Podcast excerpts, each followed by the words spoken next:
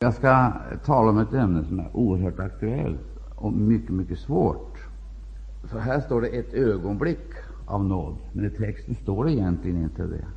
För där står det egentligen ett litet ögonblick av nåd. Står det. Ett litet ögonblick av nåd. Och du vet att eh, ett ögonblick är ju i och för sig en tid som försvinner snabbt, så är det över. Och ett litet ögonblick går ännu fortare.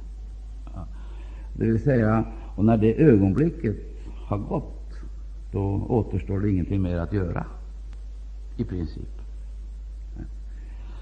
Och eh, När vi läser i Bibeln så kommer vi underfund med eh, att idag, om ifrån höra hans röst, idag, alltså, det finns inga långa och utsträckta då, eh, tider som man har möjligheter att fatta sina beslut och göra sina överväganden och sedan då räkna med att Gud ska vara redo att ta emot. Han låter sig inte styras av våra krav på något vis, utan han erbjuder sig till oss. Och tar vi inte emot honom så blir vi prisgivna. Vi får fortsätta, men blir prisgivna. Så att eh, det här med tidsfaktorn är ju fruktansvärt viktigt då det gäller exempelvis sådana viktiga frågor som vårt eget liv och eh, vad Gud vill med vårt liv och hur vi ska förverkliga Guds vilja i vårt liv. Eh, jag skulle kunna uttrycka det på ett annat sätt också, som eh, eh stryker under allvaret. Eh, vi vet att det finns något som heter förstfödslorätt, och den har man. Men man har inte den när man har sålt den. Och man säljer den inte två gånger. Vi måste ha klart för oss det. Alltså, det, det har du å ena sidan tiden som vi har fått och vi kan utnyttja ögonblicket eller tillfället. Tagen väl i akt vart lägligt tillfälle, ty tiden är ond. Det vill säga, när tiden har gått så upphör vi kanske inte att leva. Det är bara att vi möter ondskan i andra former och värre former. Den hjälp som erbjöds oss tog vi inte emot, och då får vi hjälpa oss själva i kamp mot de krafter som är på jakt efter vårt liv, för det är det de är. Men jag vill säga det en gång till, det är ett kort ögonblick som du har. Använder du det, så är du lycklig. Gör du det inte, då ropar himlen i mycket stor sorg, o att du idag hade insett, också du, vad som är ditt bästa. Men nu är det fördolt, nu är det fördolt för ditt hjärta. Och så sägs det också därför att du inte aktar din sökningstid. Det, det brukar vi förenkla dithän att vi låter syndarna alltså vara de eh, mottagande. Så det är syndaren det gäller din sökningstid, men det är verkligen inte. Det är Guds folks sökningstid. Det vill säga, Gud söker sitt folk. Och det är det det här är vittnesbörd om. Gud söker sitt folk i historien, han söker sitt folk i detta nu. Han har alltså ett ärende. Men vi skall inte tro att det finns någon större beredvillighet att höra på Guds röst. Det ligger inte för oss, därför att vi vanligtvis redan är så fyllda med åsikter och så bombarderade av ljud och röster, så vi hör honom inte i allt buller. Det finns en annan sida av det här som också är oerhört typisk. Mitt ibland er det står en som i icke känner. Vi sitter och ropar till honom, och han eh, viskar till oss för att nå oss. Vi ropar och ropar och ropar, och så är han mitt ibland oss.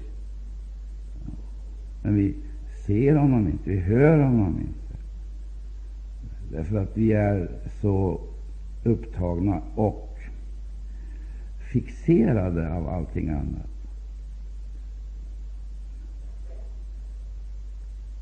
Det finns en hel serie sådana här, eh, jag skulle kalla det för blixtar. Eh, blixtar. Alltså, det är, snabba signaler och korta, eh, korta ingripanden, gudsingripanden. Och då gäller det att man hör och förmår slå sig till ro på ett rätt sätt. Inte somna in, men i stillhet lyssna så hans tal får tränga igenom.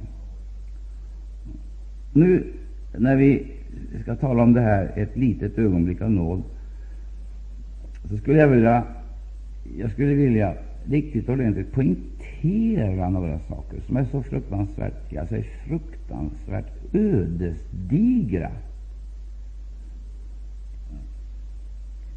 Man kommer till den här punkten som då samtidigt blir ett vägkryss där man bestämmer var man ska gå, fattar sina beslut. Och den lilla avvikelsen, den syns ju inte så omedelbart. Den lilla avvikelsen, den blir den stora så småningom. Det är därför att det är så oändligt viktigt att man fattar rätta beslut i alla sådana här ödesavgörande, ödesmättade situationer.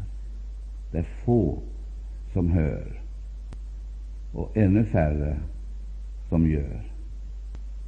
Och Det är naturligtvis inget uppmuntrande budskap. Det här kan verka rätt deprimerande, men det är faktiskt frågan om att bli väckt över de här Eh, tendenserna och de här böjelserna som vi har att göra allting göra allting på annat sätt, på andra tider och i en helt annan, eh, ett helt annat sinnelag än det som måste vara för handen för att kunna känna Gud. Om vi nu går till Esra, där, den här, där det här eh, ordet mötes av konferenstemat står, i Esra 3, så står det så här i nej, Esra 9. Där står det så här. Om vi läser det nionde kapitlets rubrik, eh, så heter det Israels äktenskapsförbindelse med främmande kvinnor.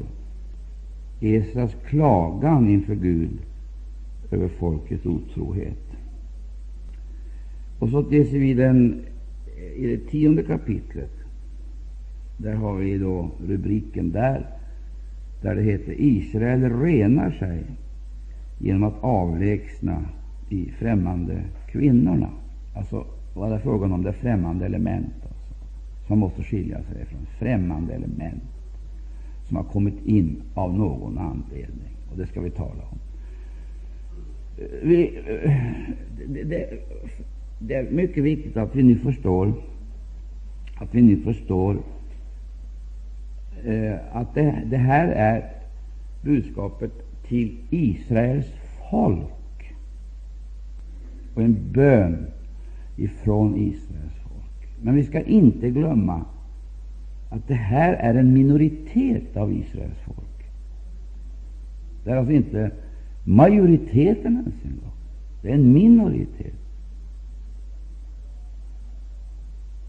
Och det kan ju vara viktigt att fråga varför just den här gruppen, när det finns flera andra grupper som bär namnet Israels folk. Varför den här gruppen framför de andra? Det här var ingen majoritet. Det är en relativt liten grupp. Och om vi läser i ehm, eh, I den åttonde versen så heter det eh, Men nu har ett litet ögonblick av nåd vederfarits oss från Herren vår Gud. Alltså, vederfarits oss från Herren, och, och så att han har låtit en räddad skara bliva kvar åt oss och givit oss fotfäste på sin heliga plats för att han, vår Gud, så skulle låta ljus gå upp över våra ögon och giva oss något lite andrum i vår träddom. Alltså, det är en liten grupp som är räddad. Det är en liten grupp som har fått fotfäste. Ja, fått fotfäste på sin heliga plats. Och där en liten grupp som har, fått, som har blivit räddad, har fått fotfäste av en alldeles speciell orsak. Och det möter oss i nästa mening, där det heter för att han, vår Gud, så skulle låta ljus gå upp över våra ögon och giva oss något lite andrum i vår träldom''. Jag vill poängtera det här en gång till, för jag tror att det är väldigt angeläget och viktigt att förstå att det fanns flera grupper, men de hade helt andra bekymmer. Helt andra bekymmer. Och de var inriktade alltså på ett helt annat sätt och sysslade med helt andra ting. Det var en grupp som definitivt inte var ointressant och passiv. Visst inte. Det fanns en annan grupp. Om dem kan man säga någonting annat. Vad? Det vet inte jag, därför att historien säger inte så särskilt mycket om dem. Ett och annat får vi veta. Men det står definitivt ingenting av den här karaktären, med det här budskapet och innehållet. Står det ingenting. Jag säger det här igen. Det fanns alltså flera grupper som bar namnet och som hörde hemma bland Abrahams barn och utvalda folk. Men de hade inte fått något fotfäste och strävade heller inte efter det. Det fotfäste som det här är frågan om. För de bodde ganska, de bodde ganska bra och trivdes ganska väl där de befann sig. Och var befann sig de någonstans? Ja, de befann sig faktiskt i, i Babels floder. De hade alltså stannat kvar när dekretet om uppbrott och uttåg och återerövrande av de förlorade territorierna kom. Då stannade de kvar, för de hade assimilerat sig i Babylon. De utgjorde den större gruppen. De var i majoritet. Och Det var alltså då speciellt några kategorier. Det var de äldste, äldste människorna, alltså som inte orkade. Och så var det de yngre som inte ville. Och Vi känner ju igen de här symptomen hos Guds folk. Det finns de som är för gamla. De har blivit orkeslösa, kan inte tänka sig tanken ens en gång att de skulle bryta upp när de nu trots allt hade fått det relativt bra och hade möjligheter att åtminstone i en viss utsträckning utöva en gudstjänst som på många områden, ja, på fundamentala punkter, eh, skilde dem ifrån Babylons religiösa, religiösa väsen. Ja, det här ska jag stanna vid lite till. Därför det kommer aldrig att förstå någonting av den här appellen som, som möter oss i Egypten. Där, Släpp mitt folk så att de kunna hålla öppet åt mig. Gud vill alltså skilja sitt folk ifrån Egypten, vilket är världen, och vill befria dem ifrån faraos, alltså Satans spira. Och då står att alla gick. Det var ingen som var kvar. Uppbrottet det var totalt, inkluderade alla. Men så vet vi ju att de bortfördes ifrån landet som Gud hade tilldelat dem. Och det vet vi ju vad det berodde på. De ingick i, i allianser med de kringliggande folken. Det handlar alltså om ekumeniska relationer som upprättades. Och Man skulle kunna fråga sig så här är det nu så allvarligt, är det så farligt att man hade goda förbindelser med de kringliggande folken? Ja, vi vet ju att detta ledde fram till att eh, männen befryndade sig med kvinnorna i de omkringande länderna. Det uppstod alltså helt nya kombinationer av blandfolk, skulle man kunna säga. Och nu kan du komma ihåg en sak. Det var ju inte detta som egentligen var det djupare problemet, för det fanns ett sådant, utan vad som skedde i det här utbytet, det var att Israels folk i allt större utsträckning övertog deras avguderi. De övertog deras avguderi. Alltså, eh, den ekumenik jag talar om ledde alltså fram till avguderi. Och man började dyrka främmande gudar och bli offer för alla de här styggelserna som Bibeln kallar det. Och Bibeln säger så här att landet blev förorenat, landet blev förorenat och så vidare. Och det ledde i sin tur fram till att den här nya gemenskapsformen skapade också förutsättningar för andra eh, mycket eh, påtagliga eh, förändringar. Eh, det är alltså helt korrekt att tala om en kris, en identitetskris. En identitetskris. Ja, och det här är egentligen oerhört skakande, för att det ser så ofarligt ut. Det ser så naturligt ut. Och det ser så riktigt ut. Ja, att man ska arbeta och verka för samförstånd och samexistens och samarbete. Det är liksom vad människan i alla tider har hävdat. Och det är de där idéerna och filosofierna som Guds folk har övertagit. De har övertagit många gånger lite kritiskt i förstone, sen allt mindre kritiskt, alltså mer okritiskt, till dess att den här eh, situationen har lett fram till att i själva nationens liv har fötts fram nya maktblock. Nya maktblock på det andliga fältet. Jag ska ta ett nytestamentligt exempel på det här för att vi inte ska hålla oss till Gamla testamentet utslutande. Och jag ska ta ett mycket, ett mycket eh, dramatiskt exempel. Om vi går exempelvis till sändebreven så känner vi igen det här problemet. Vi får också se vad, som, vad det för med sig. Eh, för vi måste göra klart för oss att de här förbindelserna ledde ju till frukt. Det var ju inte barnlösa äktenskap.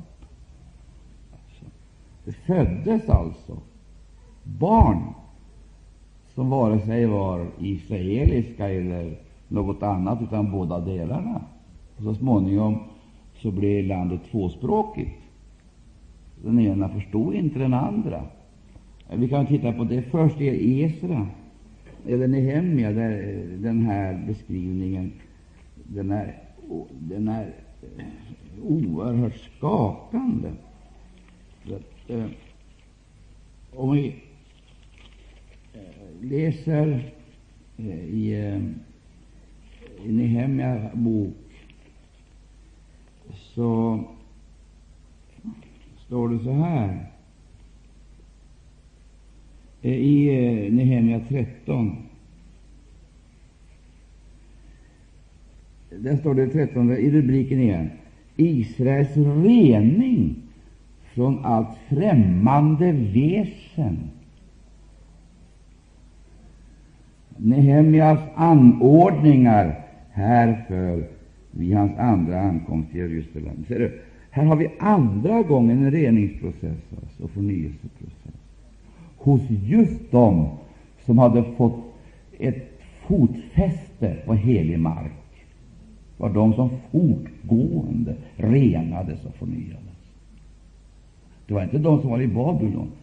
De brottades inte med det här. De hade helt andra problem och sysslade med helt andra ting. Men just de som hade fått fotfäste på helig mark, de var, föremål för denna processen som aldrig tycktes avslutas. När vi kommer till de här mötena, exempelvis här i Latt och på andra ställen, jag är så innerligt tacksam för att vi har varit tillsammans. Och vi är verkligen syskonen här i Latt mycket tackskyldiga för att vi får komma hit och sätta oss ner. Och så kommer vi hit och så förvånas vi över att nu talar Gud igen om rening och väckelse och förnyelse. Och det hör vi om och om och om igen. Och undrar, blev vi inte renade förra året? Blev vi inte förnyade? Ska vi behöva höra det här en gång till? Och så visar det sig att denna fortgående reningen är en process. Gud håller på. Och Det är det som egentligen är ett ögonblick av nåd. Varje sån här process är ett ögonblick av Guds nåd över församlingen, över hans folk. Och detta är så oändligt betydelsefullt. Och då gäller det att man orkar sätta sig ner och lyssna. Vad vill Gud nu? Och att problemet är stort och svårt. Exempelvis, vi blir ju emotionellt fixerade och låsta. Vi blir bundna i ett och annat. Och vi eh, tar efter och blir världslika. Och därför så måste Gud tala till oss åter och åter. Tala till oss. Och så ser du att de har fått fäste på helig mark. Och det innebar att Gud började den här processen, reningsprocessen, som aldrig avslutades i princip. Så länge vi är i världen, i tiden, så måste vi bli föremål för denna fortgående rening. Och är vi inte villiga till det, då har vi snart gjort oss av med förstfödslorätten och möjligheten till frälsning. Det är en verklig nåd att kunna böja sig, ödmjuka sig, ge Gud rätt, ta emot ordet och uppleva att sanningen frigör. Det finns inte en enda en som inte behöver vara med om det. Och det, Vi lägger märke till att när Bibeln alltså här talar om det, eh, så räknar den upp prästerna och leviterna eh, och så vidare. De får vara med om det här på ett alldeles speciellt sätt. Och Esra själv, så kommer det här budskapet. Han blev själv väckt och grät som ett barn i nöd och vånda. Han var djupt bedrövad och identifierade sig med sitt folk, så hans folk, det var han. Och han var Guds folk. Så ett var det. Alla, alla upplevde det här. Det var ingenting alltså som angick en, en och annan eller en liten grupp. Allihop måste vara med om denna reningsprocess. Jag vet uttrycka det så här, men det kanske inte finns något bättre sätt att säga det på. Det är frågan alltså om ett solidariskt ansvar. Vi är alla på något sätt ansvariga inför Gud för oss själva, men också för varandra. I Guds rike där, där, där gäller en helt annan princip än den som invigdes av Kain. Du vet att Kain han var en vägbyggare, en, en eh, vägkonstruktör som invigde en väg. Det gjorde Jesus också. Den invigdes till himmelen, en ny och levande väg.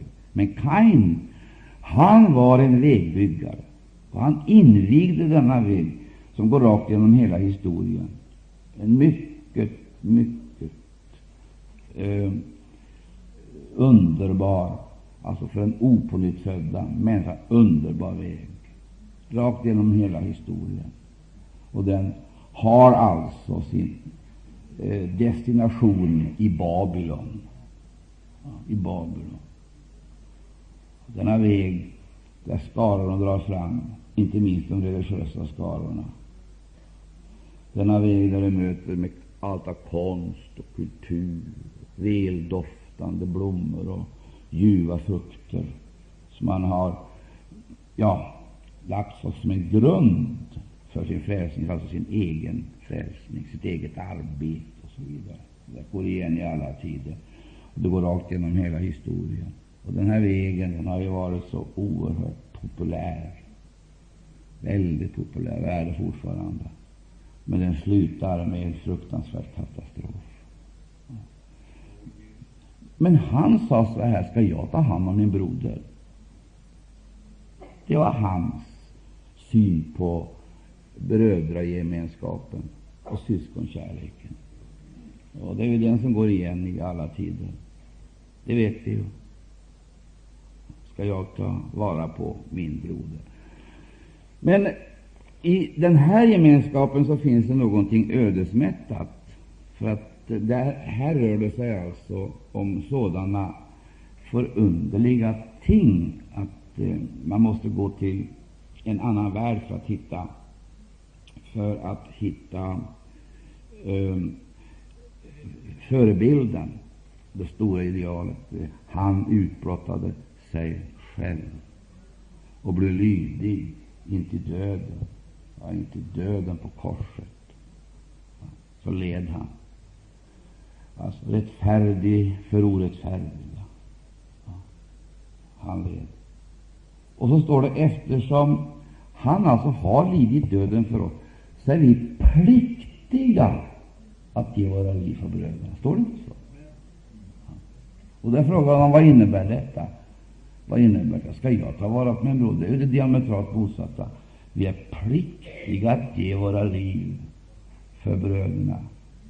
Alltså, Jesus dog för den orättfärdige, för att han skulle bli frälst. Och vi har fått delaktighet i denna kärlek och blivit, fått ett förtroende att vara hans budbärare och skall alltså synliggöra denna kärlek, syskonkärlek, i församlingen, församlingsgemenskapen, där alla har omsorg om varandra. Och i, hos Paulus sägs det klart och tydligt att um, vi ska bära varandras bördor. Vi ska eh, i församlingen alltså, ha omsorg om varandra. Det står klart och tydligt. Om någon lider, alltså om en lider, så lider alla. Om någon äras, så äras alla. Det är, det är det som ska känneteckna församlingsgemenskapen. Och det är något av det här som vi då möter eh, i Nehemja, förebilderna till det här. Att man upplever den här en, alltså reningsprocessen, det är ingenting som är då eh, angår någon speciell. Reningsprocessen är ett pågående verk. Vi kan kalla det förnyelse, helgelse, men det är absolut nödvändigt och det sker undantagslöst hos varenda en. Och sker inte detta, eh, du vet ju hur Jesus undervisade när han eh, tvådde sina lärjungars fötter. Det är nödvändigt, för att under vandringen så vet du vad som sker. Vi får så vi förorenas och besmittas. Det är så mycket som vidlåder oss som vi måste bli av med. Vi måste få våra fötter tagna så vi kan vandra vidare i renhet och helgelse. Det är vad Jesus undervisar om. Och så säger han ju att vi måste två varandras fötter, måste hjälpa varandra i det här avseendet, så ingen blir efter. Ingen, eh, blir, eh, ingen går förlorad.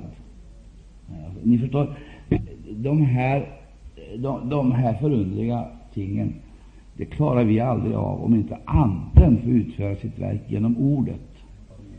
Här saken så här att alla lemmar endräktigt har omsorg om varandra. Om det, nu kan du tänka efter när vi talar om förnyelse, helgelse och så vidare. Det är ju inte svårt att hitta punkterna där det måste ske en förnyelse. En förnyelse i gemenskapen. Det måste alltså förnyas. Och att tillämpa och praktisera det här eh, som står här Eh, i Första Korinthierbrevet. Jag bara eh, citerar. Alla lemmar endräktigt hava omsorg om varandra. Det är helt uppenbart att vi mycket ofta tröttnar på varandra och till och med upplever andra känslor av anti, alltså mot, eller sammanfattningsvis så känner vi nästan, ska jag ta vara på honom? Det är Kains ande, det är Kains religion. Den är sådan till sin natur. Och den kommer aldrig att bli något annorlunda, även om man kan uttala det på ett mer sofistikerat och lite, lite mer bildat sätt. Det verkar så rått. Ska jag ta vara på min broder? Men, eh, och även om vi inte säger någonting så visar ju attityderna var vi står någonstans och vad vi representerar. Alltså, man kan Jo, genom attityderna demonstrera det här, eh, det här problemet ganska tydligt. Därför att jag skulle säga så här, om det är någonting vi behöver vara med om så är det förnyelse. Förnyelse. Och eh, har du svårt att hitta orsaken till det här så ska jag hjälpa dig.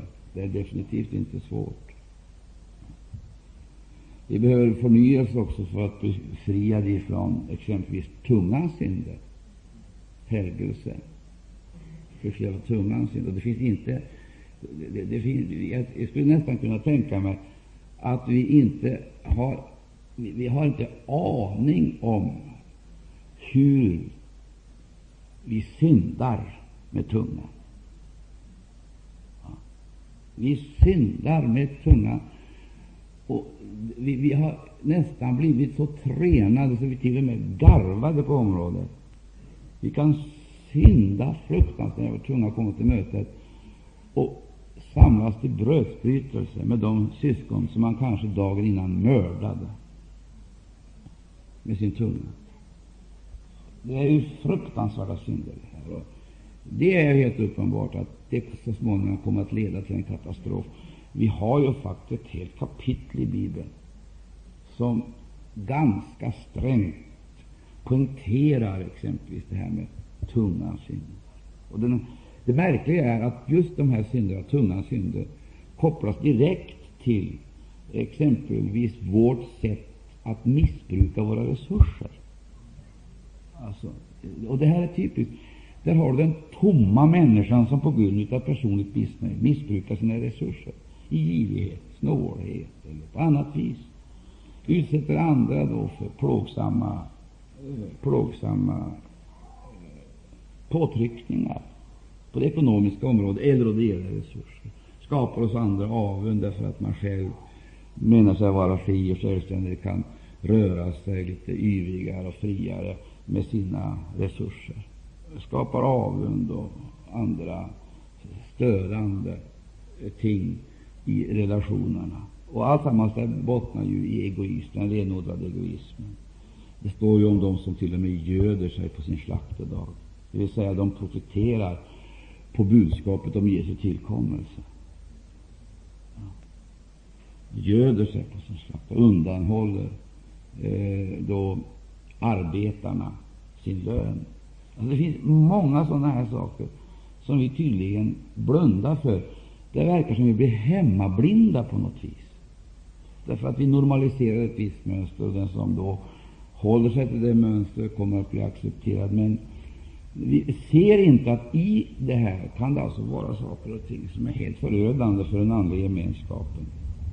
Nu vill jag poängtera det här en gång till, att det är just den där tomma människan som är på ständig jakt efter nya sensationer eller nya vinster eller eh, Eh, att kunna erövra eh, nya materiella ting och eh, uppleva den här uppleva den här lusten som maktbegäret ger människan.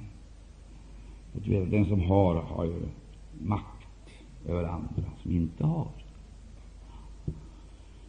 Farligt. Och de här människorna, tomma människor mycket tomma människorna, de är riktigt pratiga. Det vill säga, de avslöjar i sitt tal och i sitt förtal just sin inre tomhet, sin inneboende tomhet. Skadar varandra fruktansvärt. Bibeln går till och med så långt, där framförallt Paulus, som säger att om dessa tendenser får växa och få dominans, så utvecklas församlingen till kannibaler. De äter på varandra. De blir kannibaler, äter av varandra glädjen, äter av varandra friden, äter av, äter av varandra frimodigheten, äter av varandra tron, gör riktigt skrovmål på syskonen. Det är alltså denna kannibalism som finns i så fruktansvärd utsträckning i alla sammanhang där tomheten existerar. Den andliga tomheten. Jag vill säga igen, jag säger det här bara en, en enda sak. Nu behöver vi förnyelse. Nu behöver vi förnyelse. Och jag kan ta punkter. Det är därför vi måste ha många möten och påminna varandra och hjälpa varandra. Det är inte säkert att mötena är problem, de kan vara det, men allt det som sker mellan mötena, det kan verkligen bli en belastning för hela församlingen. Vi måste göra klart för oss att här finns det inga genvägar. Det finns definitivt inga genvägar. Vi måste göra klart för oss att ska vi gå framåt så kommer vi antingen att lunka vidare på Kains väg tillsammans med den religiösa massan, eller gå på den nya och av Jesus Kristus invigda vägen, gå tillsammans med trons människor som överlämnar sig åt honom och åt varandra och har gjort himmelen till sitt mål och det nya Jerusalem till sin högtidsstad. Ja, så ligger det till. Däremellan finns det inget alternativ. Det ena eller det andra. Antingen trampar du vidare framåt på dina vägar, på Kains väg, och når ditt mål. Antingen äger du förstfödslorätten eller så har du gjort av med den. Du gör sällskap med Kains vänner, ja, med Kains religion och Kains gärningar, Kains relationer. Eller så går du på den levande vägen, invigda honom iklädd hans helhet, hans rättfärdighet och i gemenskap med det folk som upplever främlingskapet i världen, men det nya Jerusalem som sin moder. Det är Jerusalem som kommer ned ovanifrån. Du förstår, om inte Herren får vända upp och ner på oss, riktigt skölja ut oss, och hänga oss på streck, höll jag på att säga. Om man inte får ta itu med oss på de här punkterna, så är vi förlorade. Vi ska inte bli, men vi är förlorade. Ty då har vi gått in under fördömelsen och lever där. Hur mycket möten vi än är med på, och vad vi än gör och fäktar efter, offentligt eller i andra, med andras applåder eller buanden. Jag sa till Herren i torsdags, var det väl, Herre, varför ska jag säga det här och göra människorna ledsna?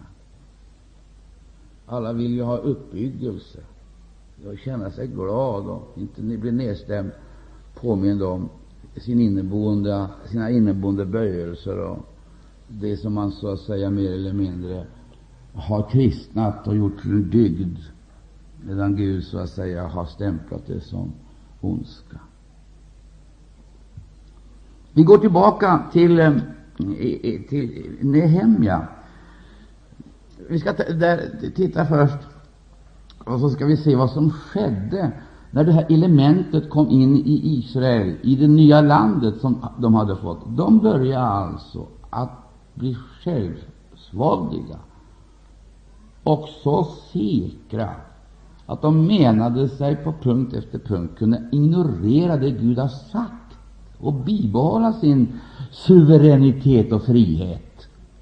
De förstod tydligen inte att då de avvek ifrån det Gud hade sagt, då förlorade de i samma grad det beskydd som de behövde, eftersom de var obefästa. Saknade alltså de institutioner och system som de omgivande länderna hade, saknade detta. Men Gud hade lovat att han skulle beskydda dem. Han skulle försvara dem. Eh, och han skulle vägleda dem och han skulle fylla alla deras behov i härlighet. Han skulle vara mitt ibland dem. Och det fanns ett klart och tydligt bevis på hans närvaro, det vill säga en symbol som synliggjorde hans närvaro. Det vet du. Han bodde bland detta folk. Och det var ett folk som bodde för sig själv i avskildhet och levde i ett innerligt gudsförhållande och tillbad honom. Om vi läser nu här i Nehemja, där vi ser alltså eh, den situationen vara för handen, som vi började med idag eh, en skara som hade varit nere i Babylon på grund av de här främmande förbindelserna. Det var en av orsakerna. Främmande förbindelserna, eh, främmande elementen som ledde till avguderi, ett mycket svårt avguderi. Eh, man accepterade inte bara de kringliggande folkens religion, utan man integrerade det så småningom. Då eh, så heter det i den trettonde kapitlet Israels rening från allt främmande väsen, Israels rening från allt främmande väsen. Nehemjas anordningar härför vid hans andra ankomst till Jerusalem. Nehemjas anordningar härför. Problemets karaktär och art har vi då i några få versar. 23 versen i det 13 kapitlet. Så på den tiden såg jag också judiska män som hade tagit till sig astoditiska, ammonitiska och moabitiska kvinnor.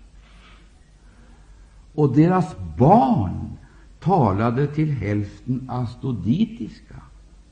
Till judiska kunde de icke tala riktigt eller och något av de andra folkens tungomål.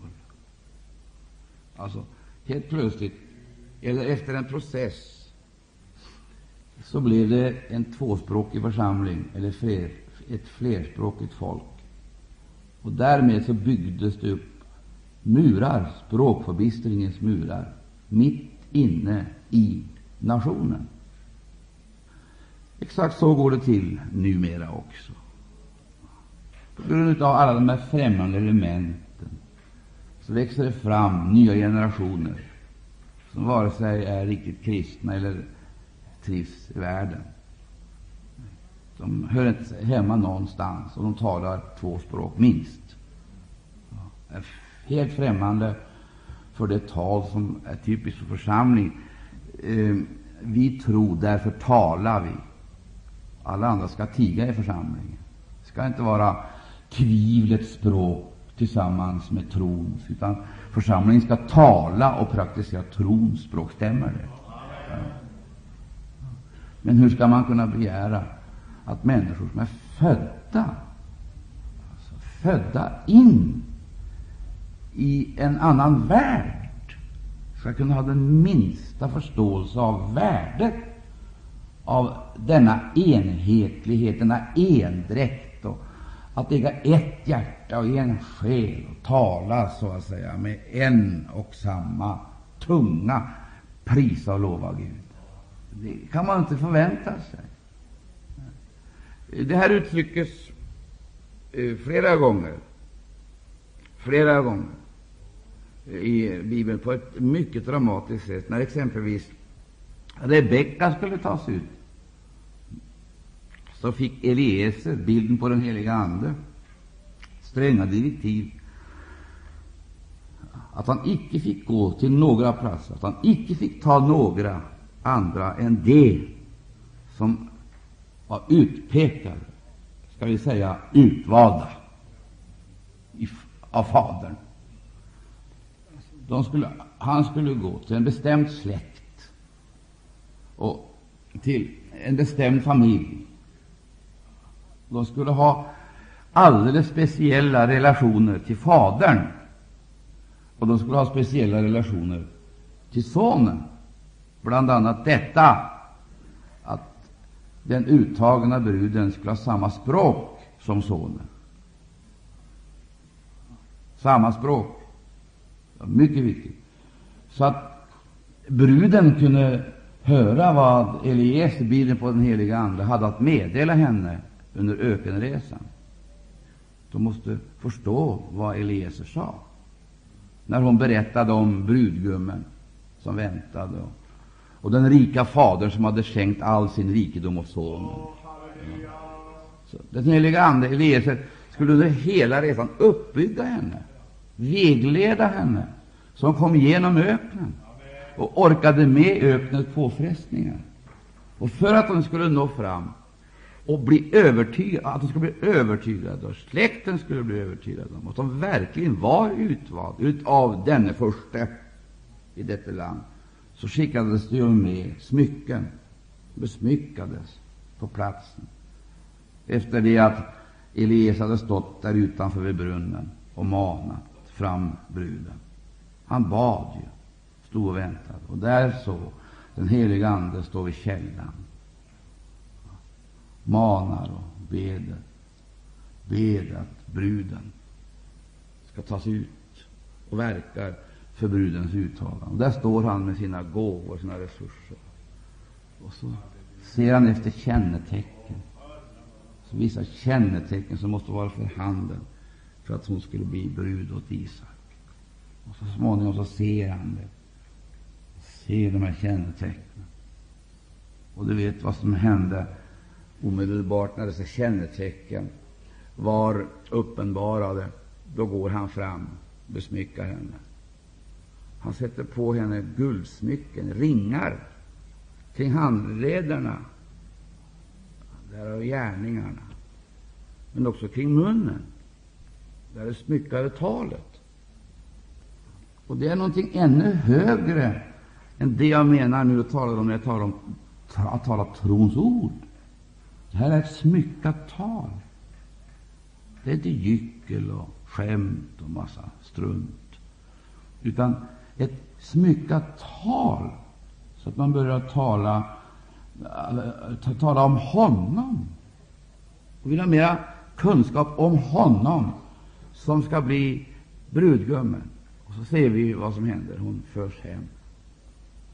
Och under eh, resan till hemmet så berättar Elias, den helige Ande, allt mera för henne om Fadern, om riket, om Sonen, om den kommande härligheten, om eh, äktenskapet. äktenskapet. Och vi vet ju, när de kom hem så blev familjen övertygad. Familjen ville gärna ha kvar de här, den här mannen. Men han sa han hade inte tid. Han måste snabbt hem till fadern väntade. Här är bilden av den helige Ande. Så verkar Gud Fadern genom den helige Ande. Han vill att vi skyndsamt ska komma bort ifrån den här världen och att vi ska komma genom öknen. Och för att vi ska kunna komma igenom öknen så måste Eliezer, den helige Ande, leda oss. Måste leda oss. De måste ju vara öppna så vi kan förstå vad han säger när han berättar. Och sen också göra vad han, vad han vill. Du vet ju, öknen är livsfarlig, den är hotfull. När öknens stormar slår upp, då, då är det väldigt stor fara och färde. Och du vet öknens torka. Men du känner ju till den här dromedaren, kamelen, som är öknens skepp, med sina stora vattenreservoarer. Så klarade öknens torka och påfrestningar kunna komma igenom. Det var eh, kamelen som bar igenom. Halleluja, utan att gå under, bar bruden. Sen eh, så känner du också till vad som händer när vinden blåser upp och stormen piskar upp sanden. Och de kommer i jättelika vågor. Så att risken är ju den att man blir begravd i sanden. Då vet du att kamelen kryper ner på knä. Så får eh, bruden i det här fallet då ta le. Få le av kamelens kropp. Kamelen lägger sig ner och så får den som färdas på den lägga sig bredvid. Och så tar kamelen stötarna. Så ligger resenären skyddad. När stormen är över, då reser sig kamelen och dammet far all väg och resenären får återsätta sig upp och dra vidare. Här har du bilden på den heliga Ande. Det är Anden som skyddar oss så vi inte drunknar i öknens påfrestningar. Men då måste Eliezer hela tiden tala. Och då måste den som Eliezer talar till, Anden tar, förstå.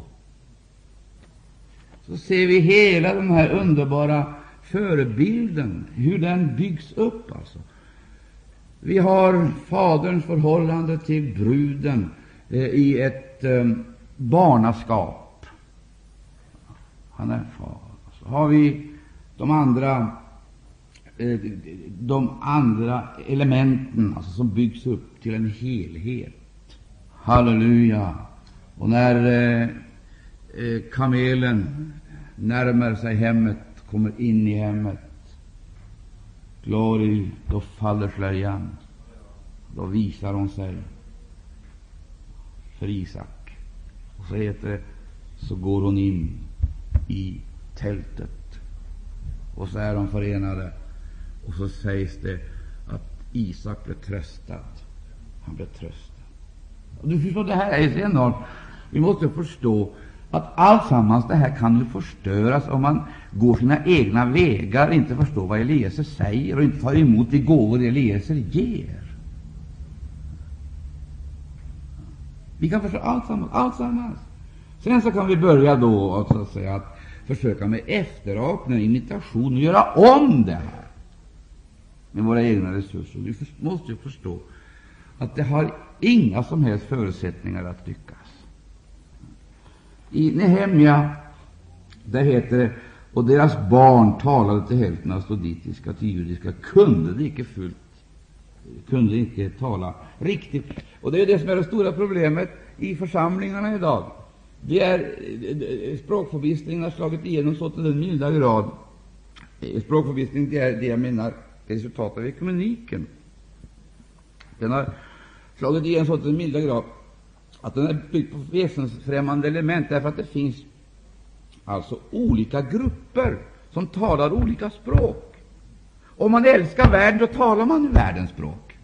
Inte sant? Gör man inte det? Ja, det gör man ju. Då talar man. Men om man älskar Jesu tillkommelse, då talar man ju om det som hör Jesu tillkommelse till. Eller hur? Ja. Är det inte så? Men det verkar precis som om vi eh, har fått eh, någon eh, vi har blivit hämmade i den här friska bekännelsen vid Jesu tillkommelse. Under hela veckan har jag gått och väntat på Maranata-sången, Maranata-folket. Varför? Jag tycker att det är något typiskt för det folk som väntar Jesus. Fram i striden går den här. Och jag väntar på den hela veckan, att vi skulle få höra det. Och eh, det här är viktigt för vår identitet. Att vi inte skall försvinna i världen och förlora denna identitet. Vi börjar tala ett tvåspråkigt och dessutom tvivelaktigt språk. Vi har inte fått den, den här den, det här verkligt för oss. Vi har inte blivit besmyckade, vi har inte tagit emot det. Det känns inte, och det märks inte att det är en annan ande som talar. Och därför säger jag, nog behöver vi helgelsemöten.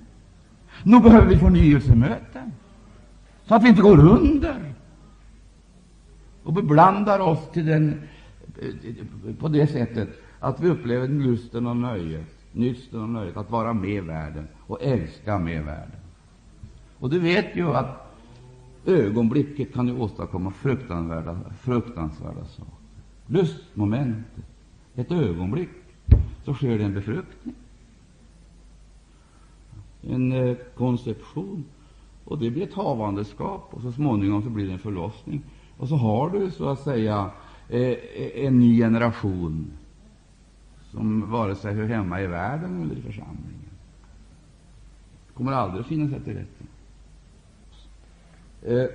Vi, vi, upptäcker, vi upptäcker alltså att det är de människor som har lämnat fångenskapen i Egypten eller Babylon som Herren har ett mycket, en mycket stor kärlek till.